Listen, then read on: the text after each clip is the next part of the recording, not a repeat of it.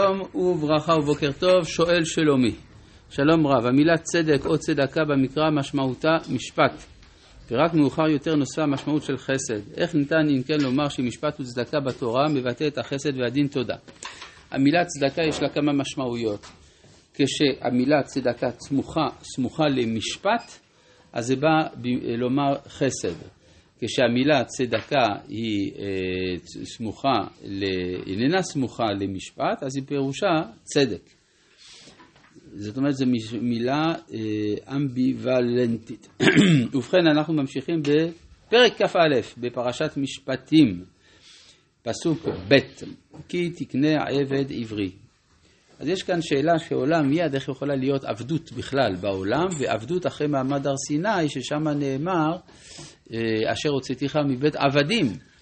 התשובה היא, עבדות בעולם היא חלק ממבנה המציאות. זאת אומרת, גם אם, לא, אם מוסד העבדות, ברוך השם, בטל, היום אין אפשרות לקנות עבדים, ואפילו הדבר הזה נאסר כמעט בכל המדינות, הדבר הזה הוא טוב. השאלה היא, מה משמעותה של העבדות, המחויבות, ההשתעבדות של אדם אחד לחברו, עובד ומעביד, למשל, כן, אבל יש הרבה אופני השתעבדות של האדם לחברו, הם קיימים בעולם בכל מקרה. והשאלה היא איך מארגנים את, ה, את התלות הזאת באופן שתהיה כמה שפחות סבל אנושי. אז העבדות בימי קדם אצל הגויים הייתה דבר נורא ואיום, התייחסו אל האדם כאל חפץ.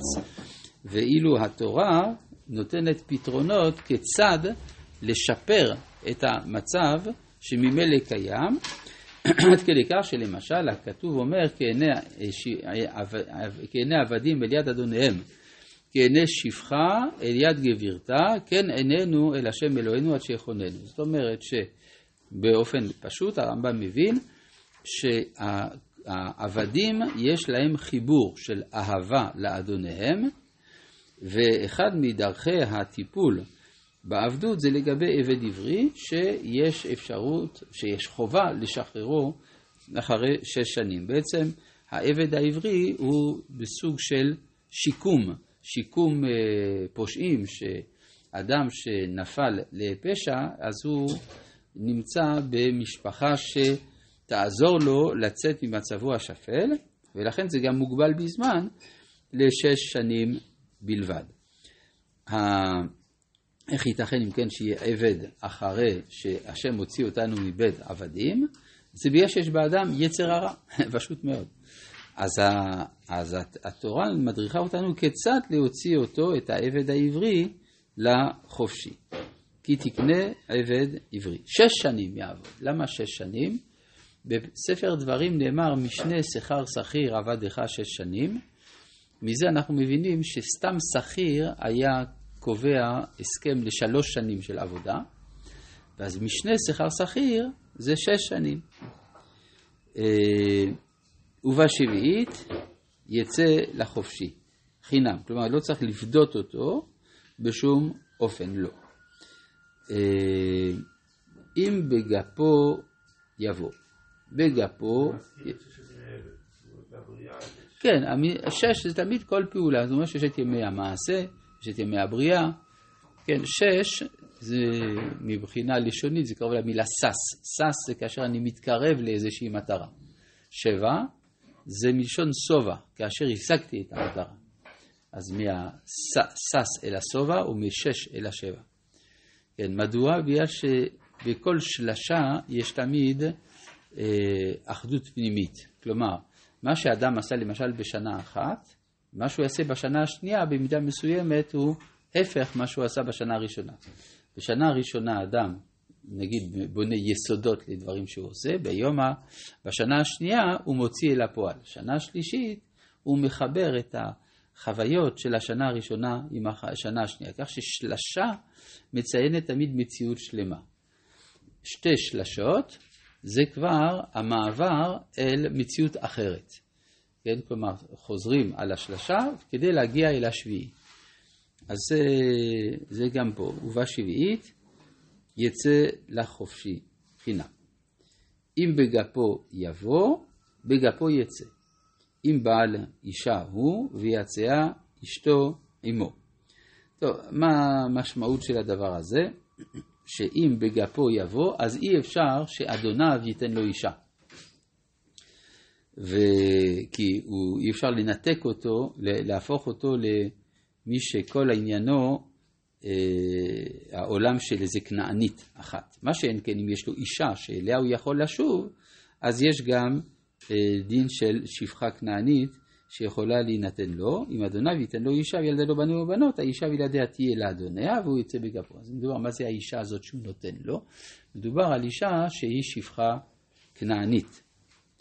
ואם אמור יאמר העבד, אהבתי את אדוני, את אשתי ואת בניי לא יצא חופשי, זאת אומרת שהוא לא רוצה לשוב אל ביתו, אז יש פה איזושהי חומרה. סימן שיש כאן איזושהי הידרדרות מבחינת העולם הפנימי של אותו אדם, שאיננו מסוגל לשוב אל משפחתו הישראלית, אז הוא זקוק אה, למין סימן שיציין את הקלון שיש בדבר. והגישו אדוניו אל האלוהים, והגישו אל הדלת ואל המזוזה, ורצה אדוניו את אוזנו במרצע ועבדו לו. מה העניין של האוזן? האוזן זה המקום שמציין את הבעלות. את הבעלות, כן, רואים את זה בחוקות הקדומות שהיו בימי קדם, שהסימן לעבדות היה באוזן.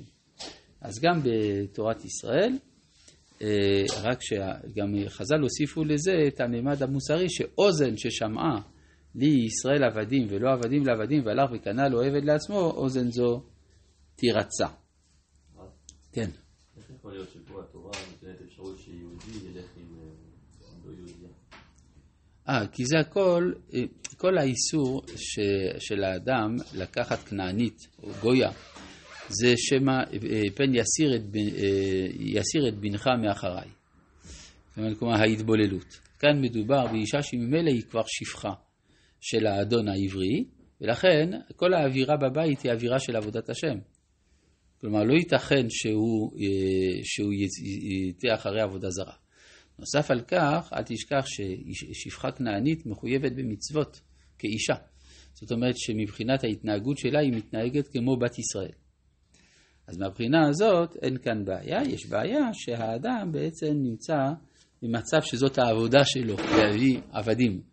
עכשיו, הוא לא, אין לו יחס של אבהות או של אישות כלפי אותה אישה ואותם ילדים, שהרי הוא מראש יודע שהוא עושה את זה בשביל אדוניו. זה לא סימפטי כל הדברים האלה, אבל מצד שני יש כאן לקיחת אחריות של האדון על אדם שירד אל הפשע והוא צריך עכשיו שיקום, אז מלמדים אותו מה הם חיי משפחה, מלמדים אותו מה, מה זה יושר, מה זה עבודה, מה זה עמל וכדומה. אה, וכי ימכור איש את ביתו לאמה, לא תצא כצאת העבדים. מה זה הסיפור הזה שאדם מוכר את ביתו לאמה? מה, הוא השתגע? כן? עכשיו, אם אנחנו מבינים את המצב של החברה הקדומה, לפעמים המכירה לאמה זה היה דרך להציל. זה הדרך להציל מהעוני או מהזנות, ואדרבה, אה, זה בדרך כלל הכנה לכך שהיא תינשא לבן של האדון. זאת אומרת, זה סוג של שידוך. ולכן, אף על פי שבעיני התפיסה המודרנית הדבר הזה לא עולה על הדעת, אבל צריך להבין שלפעמים, אדרבה, יש בזה כדי, אה, כדי שיקום של משפחה שנפלה אה, מאוד שפל מבחינה כלכלית וכנראה גם רוחנית, ולכן היא יכולה להימכר לעמה.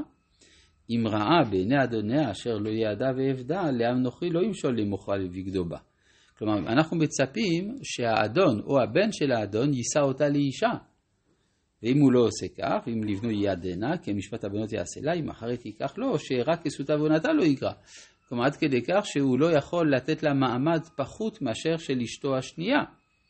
ואם שלוש אלה לא יעשה לה, ויצאה חינם אין כסף. כלומר, זה בעצם היה תקופה של, של עזרה כלכלית לאותה משפחה, כשהיא מגיעה כבר לגיל בגרות, אז היא יוצאת וחיה את חייה כאישה בת חורין. עכשיו, אנחנו רואים כן שהתורה פותחת את כל הדינים של דיני הנזיקין ובין אדם לחברו בדינים השייכים לעבדות ולשחרור מן העבדות, עוד לפני שהיא דנה בדיני נפשות, וזאת למה?